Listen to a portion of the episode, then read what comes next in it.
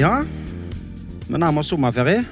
Iallfall for de som går på skole. Eh, og, men det blir møter i sommer, og dere har sittet i, i møtefolderen hvordan eh, programmet er, skulle jeg sagt.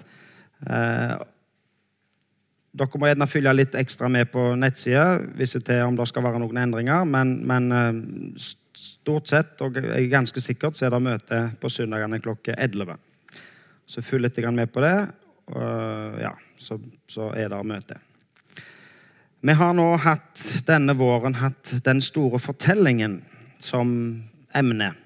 Og vi begynte helt i begynnelsen, i første Mosebok, og har gått gjennom Gamletestamentet og var på Johannes døyperen for 14 dager siden.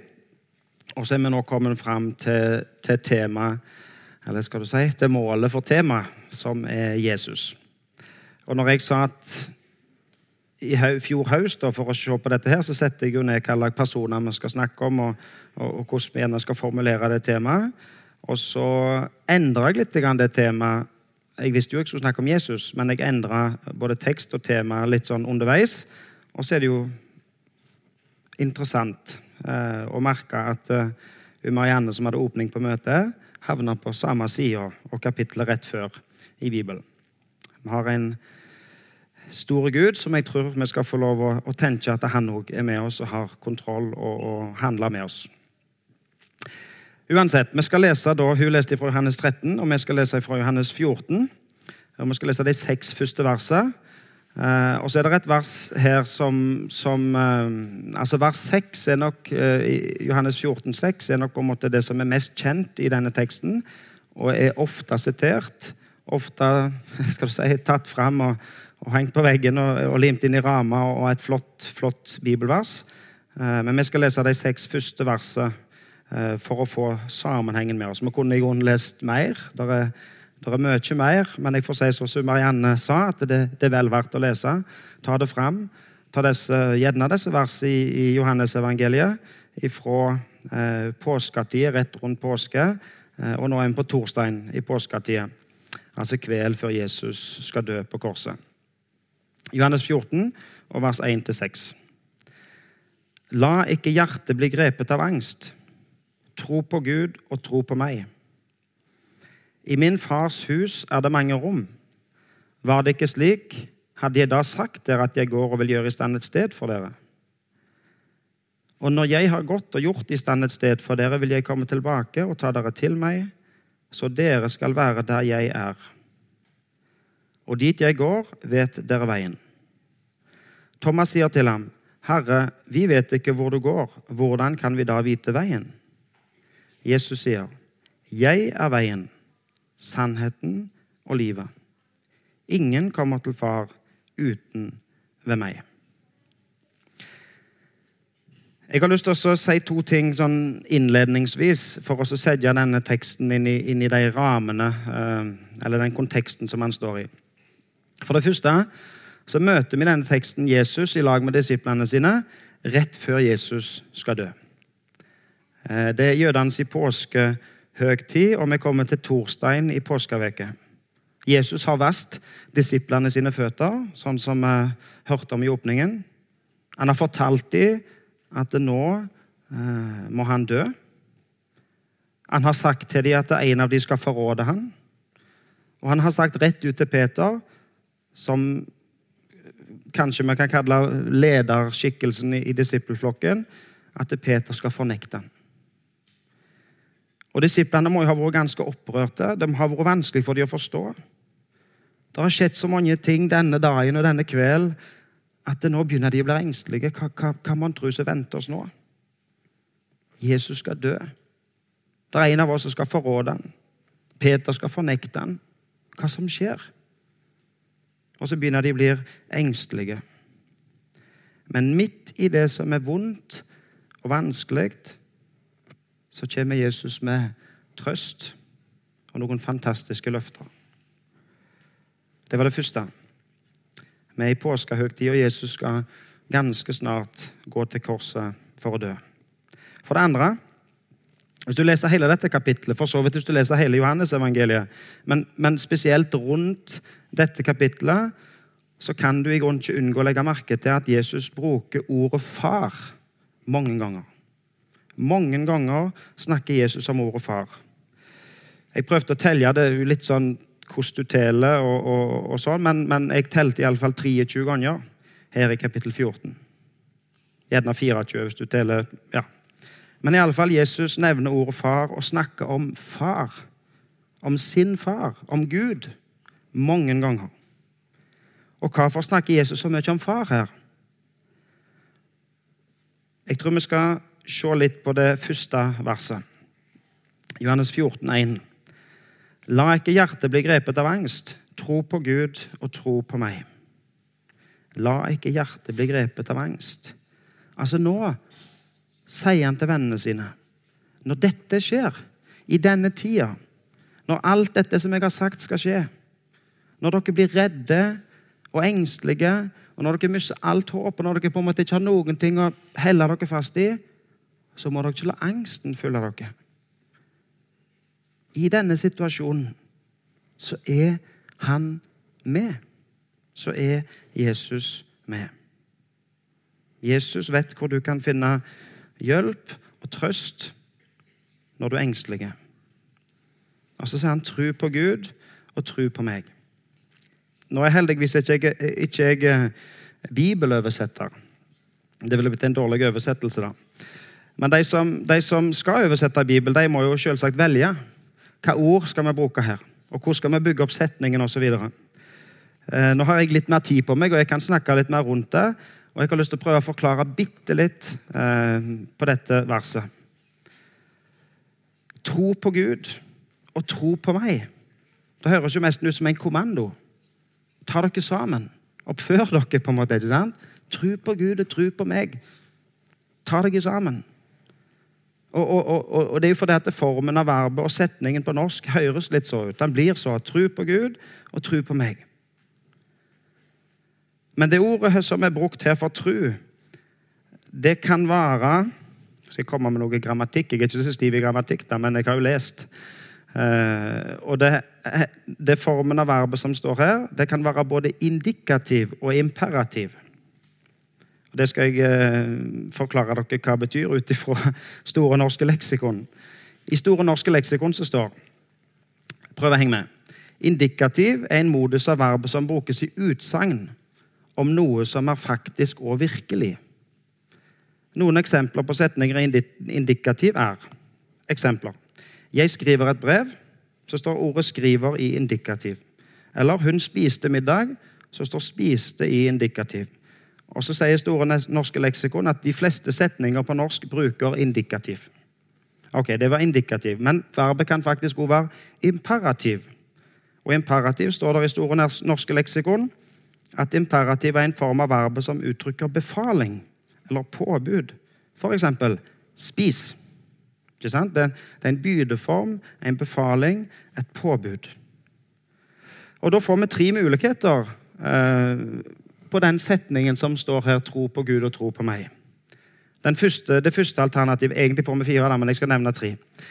Eh, den første muligheten er sånn som han står her. Tro på Gud og tro på meg. Da er det imperativ i begge de to verbformene. Det er en befaling, en bydeform.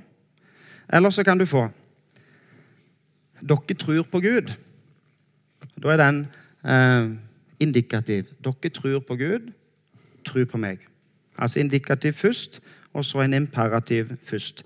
Sier hva som er fakta, og hva som skjer. Altså, dere tror på meg, og så gir en, gis en befaling etterpå. Tro på meg òg. Dere tror på Gud. Tro på meg òg. Eller så kan du ha indikativ i begge, eh, begge verbene. Dere tror jo på Gud, og dere tror på meg òg. Det som er faktisk. Dere tror på Gud, og dere tror på meg. Og Nå snakket ikke Jesus gresk. Jesus snakket arameisk, men, men Nytestamentet er skrevet på gresk.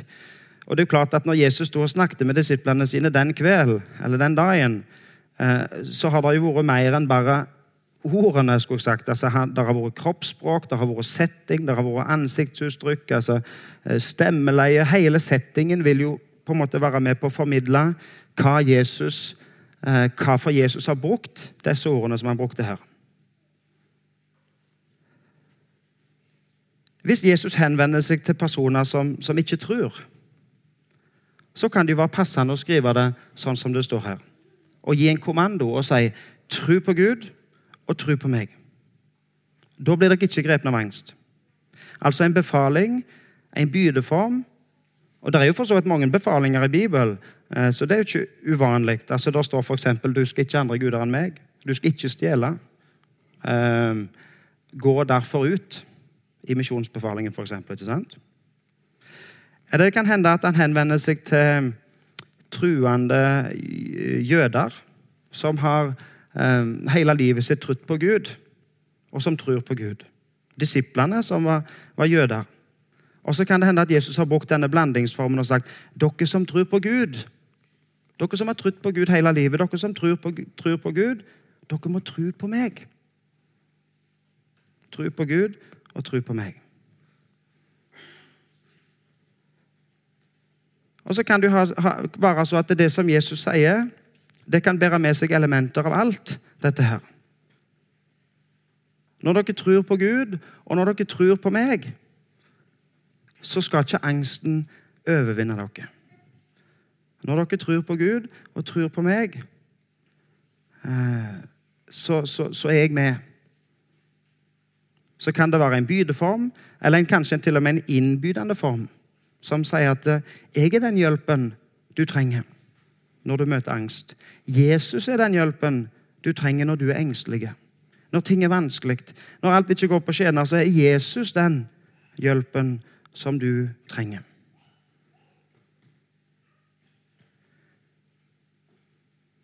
Og Så kan han jo henvende seg og si at dere tror jo på Gud. Dere har jo alltid trodd på Gud. Dere kjenner jo historien. Dere kjenner jo den store fortellingen som vi har hatt som emne denne våren. Og alt det dere kjenner til av Gud, av historien, av Han som er, har, har all makt, og, og, som er historiens herre, det gjør at dere tror på Han. Nå må dere tro på meg òg. Dette er en del av historien. Dette er en del av Guds plan. Tro på meg òg og så overvinnes frykten. For dere kjenner Gud, dere kjenner Hans gjerninger i historien. Og dere, tru, dere må tro på meg og det jeg forkynner til dere. Jesus og Faderen er ett. Jesus er Guds sønn. Og så gir han hjelp i vanskelige situasjoner. Dere som tror på Gud, og dere som tror på meg. Dere som kjenner Gamle testamentets Gud, og dere som har levd i lag med Jesus. Dere som har gått i lag med Jesus. For disiplene sin del så hadde de jo gått i lag med Jesus i tre år. Dere som kjenner Faderen, dere som kjenner Gud, og dere som kjenner Guds sønn Jesus.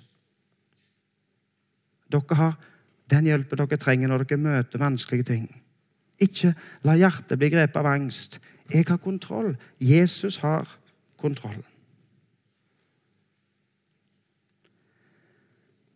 I min fars hus er det mange rom. Var det ikke slik, hadde jeg da sagt dere. Og så ser på en måte Jesus bakover i historien, og så minner han dem på dere kjenner jo Gud. Dere vet jo hvem han er. Han som har virka i historien helt siden skapelsen. Han som har virka i hele den store fortellingen, hele Gamle testamentet. Han som har gjort så i historien at nå er vi kommet her som er i dag. Dere kjenner han. Og i min fars hus er det mange rom. Det er plass til deg i fars hus. I Guds hus, i Guds rike, er det plass til deg. Det har Gud tenkt på helt ifra skapelsen av. Ja, før det. Før verdens grunnvoll ble lagt, så tenkte Gud at det skal være plass til deg i hans hus. Og så ser Jesus framover, og så sier han, 'Jeg går til far. Jeg går til Gud.' Og jeg går for å gjøre i stand en plass for dere. For at dere skal få være sammen med far. At dere skal få være i lag med meg.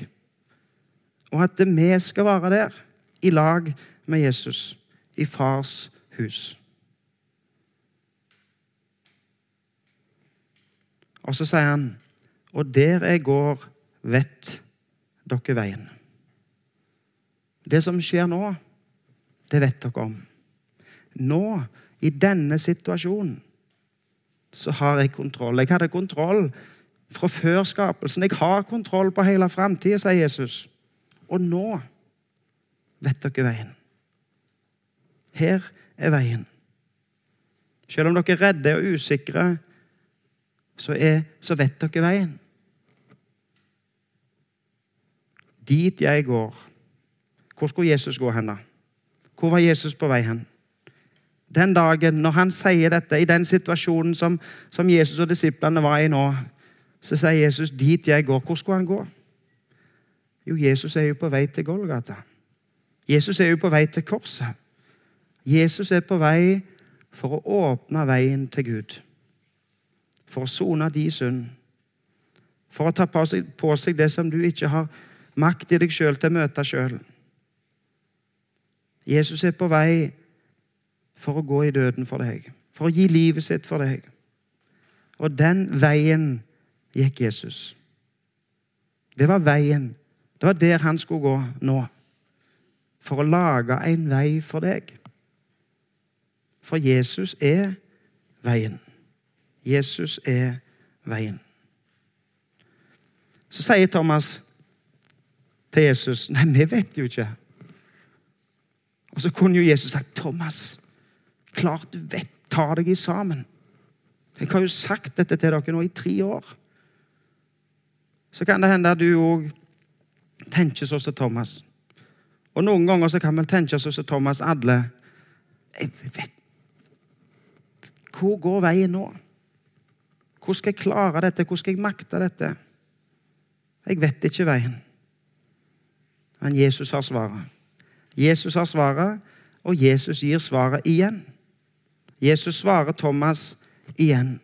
Og Jesus blir aldri lei, trøtte av å gi det svaret. Og så sier Jesus, 'Jeg er veien, sannheten og livet'. Jesus er veien, sannheten og livet.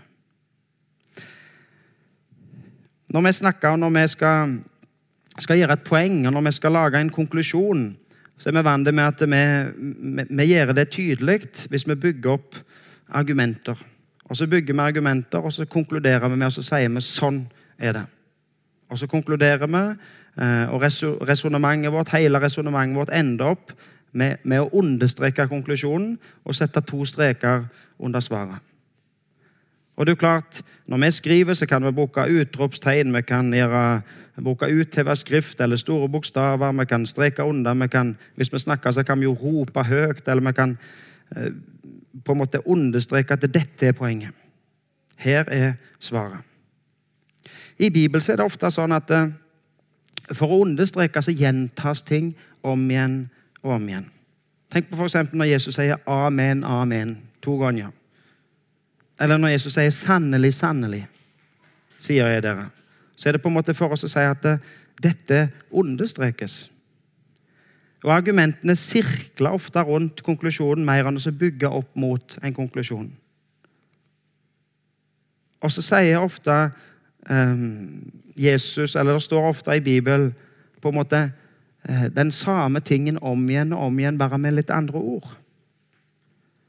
Her sier Jesus, 'Jeg er veien, sannheten og livet'.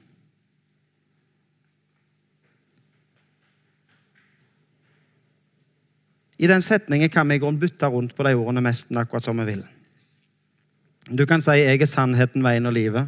Eller jeg er livet, sannheten og veien. Det betyr ingenting hva rekkefølge de står i. Og så er det jo så at uh, veien Veien er sannheten og livet. Veien er sannheten og livet. Sannheten er veien og livet. Og livet er veien og sannheten. Jesus er veien, sannheten og livet. Han er den han sier han er. Han er den som han har sagt om igjen og om igjen og om igjen at han er. Den som han har vist seg for disiplene, det som han har sagt om igjen og om igjen i tre år. Det som står i Bibelen vår om igjen og om igjen og om igjen for at vi skal få det inn. Han er den han sier han er. Han er veien, sannheten og livet. Og den eneste veien. Og den eneste fullkomne sannheten. Og han er livet med store L. Veien begynte lenge før verden ble skapt. Begynte før verdens grunnvoll ble lagt. Fra evighet av. Før begynnelsen. Og gjennom altså, inn i skapelsen og gjennom hele Gamle testamentet. Vannflommen og Noah og, og, og Abraham, Isak og Jakob og profetene og kongene og hele Gamle testamentets historie og inn i Nytestamentet, døperen Johannes og Jesus. Det er veien bakover. Ser du den veien? Ser du hva Gud har gjort gjennom historien? Ser du den tydelige veien og det tydelige sporet som Gud har handla i? Jesus er veien. Og sannheten. Alt det Gud har talt gjennom sitt folk, gjennom sin historie, gjennom sitt gamle testament, alt det som står i Bibelen, alt er sant. Alt stemmer jo. Han er den eneste absolutte sannhet, og Gud lyver ikke. Og han er livet. Han er livets begynnelse, han er livets skaper, han er livets opprettholder. Han gir liv til alt som lever, helt fram til i dag. Alt som har levd, alt som har blitt skapt, alt som lever, og alt som lever helt fram til i dag. Jesus er livet. Og Jesus er òg veien framover. Altså, Jesus er den veien som du må gå for å komme til Gud Fader. Han er den veien som leder til Far.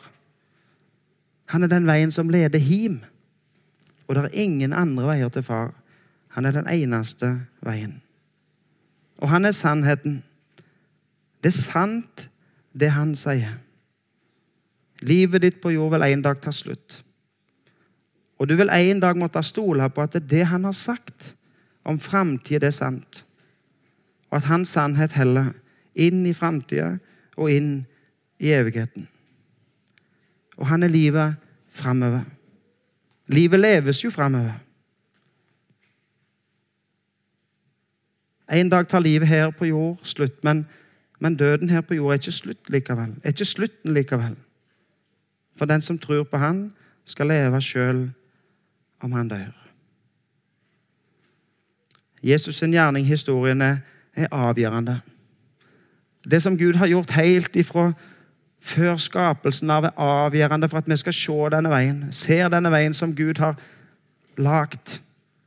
Og hans løfter om framtida gir oss håp og trygghet og visshet om at framtida er i Guds hender, at det er et evig liv i vente.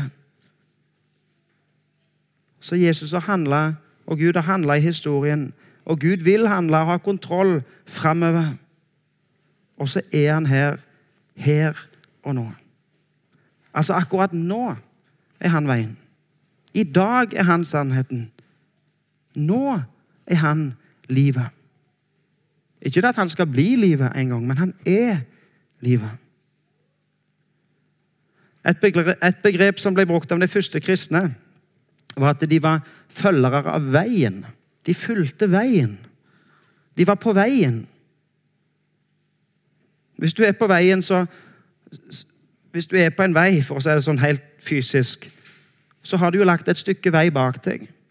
Og så har du et stykke vei før deg, og så er du på veien akkurat nå. Altså Hvis du er på reise, hvis du er i trafikken, så er det sånn at det er noe bak og noe før du er der du er. Og så er de livet òg. På livsveien, på livsreisen. I trafikken så passerer tungtransport og andre trafikanter. Og, og, og, og, når alt suser forbi, og det er kaos og det er mye trafikk, så er, det, så er det utrolig godt å kjenne veien. Å vite veien og være trygg på veien og vite at her er jeg på rett vei. Og på livsveien så er du en mjuk trafikant, for å bruke bildet. Det er så mange uforutsette ting som kan skje. Det er så mange andre trafikanter og så mange ting langs veien som du ikke har kontroll på. Men derfor er det utrolig viktig og trygt og godt å kjenne veien. Og vite at du er på den rette veien.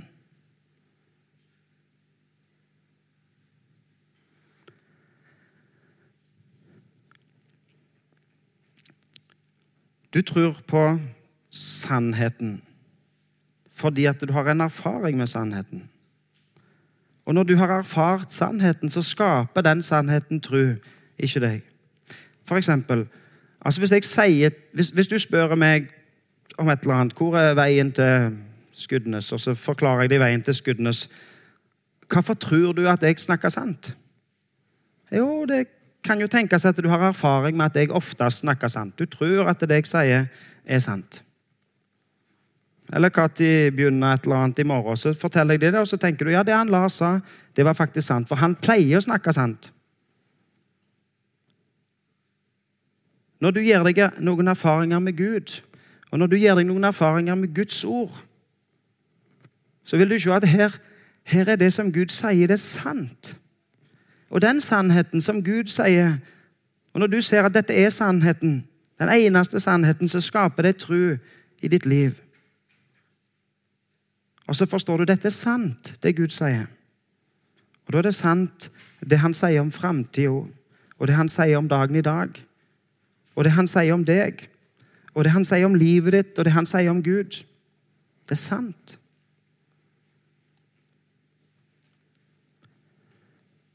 Liv er et fantastisk ord.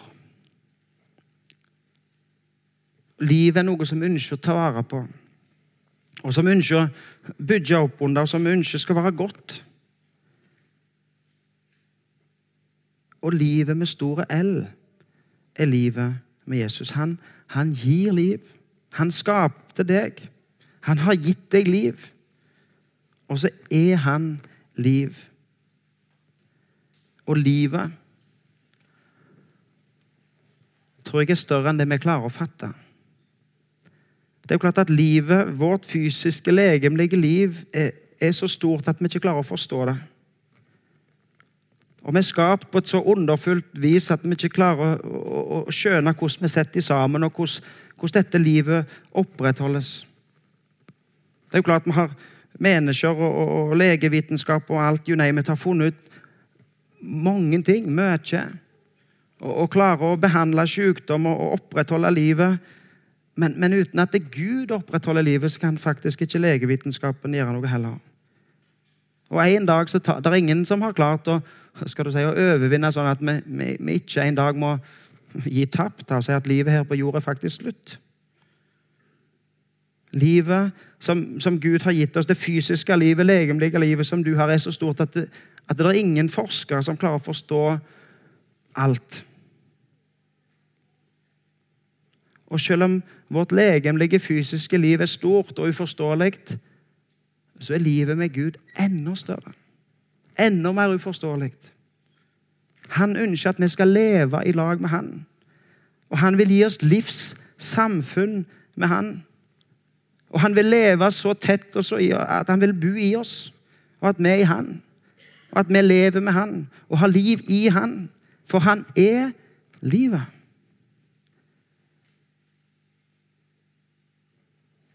Og så sier han til oss i dag La ikke hjertet bli grepet av angst. Jeg er veien, sannheten og livet. På livsveien din så kommer du til å ha både lyse og mørke dager. Så kommer du til å ha enkle strekninger og vanskeligere partier. På livsveien din så, så er det så mye som er uforutsett, og du er faktisk en voldsom mjuk trafikant. Men la ikke hjertet bli grepet av angst, for Jesus er veien, sannheten og livet. Kom til Han. Var ikke Han. Lev med Han. Han er sannheten, han er livet, han har kontroll. Og ingen kommer til far uten ved meg. Så står Jesus der og innbyr oss og sier, 'Kom, kom.' For den som kommer til meg, han er på veien. Han skal få være i lag med meg og far i evighet. Tro på Gud, tro på meg. Kom til Han som er veien, sannheten og livet. Skal vi be.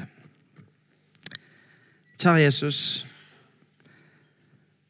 Takk for dine løfter til oss. Takk for ditt ord til oss. Takk at du er veien, sannheten og livet. Må du hjelpe oss, Jesus, å forstå og få tak i og fatte hvor store og hvor rike og hvor viktige dine løfter er for oss. Og selv om ikke vi klarer å forstå storheten og alt i dine løfter, så hjelp oss i alle fall å ta imot og komme til deg. Og få lov å legge livet vårt i dine hender og si at ja, jeg vet det, Jesus, at du er veien, sannheten og livet. Ta deg av meg. At jeg får lov å leve livet mitt i lag med deg.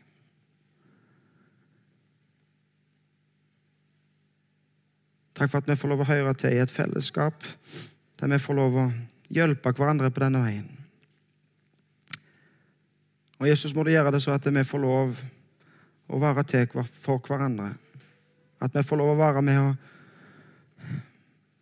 og peke på og vise vei og lede vei.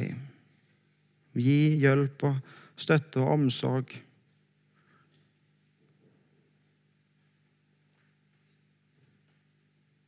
Jeg har lyst til Jesus å be om at du må gi oss en, en god sommer.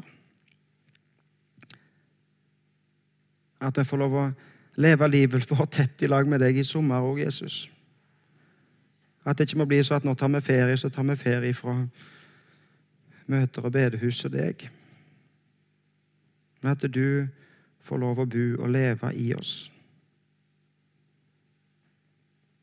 At vi får lov å gå i lag med deg og leve tett i lag med deg òg i sommer. Må du velsigne hver en. Legger med dagen og uka som ligger før oss, i dine hender. I ditt navn. Amen. thank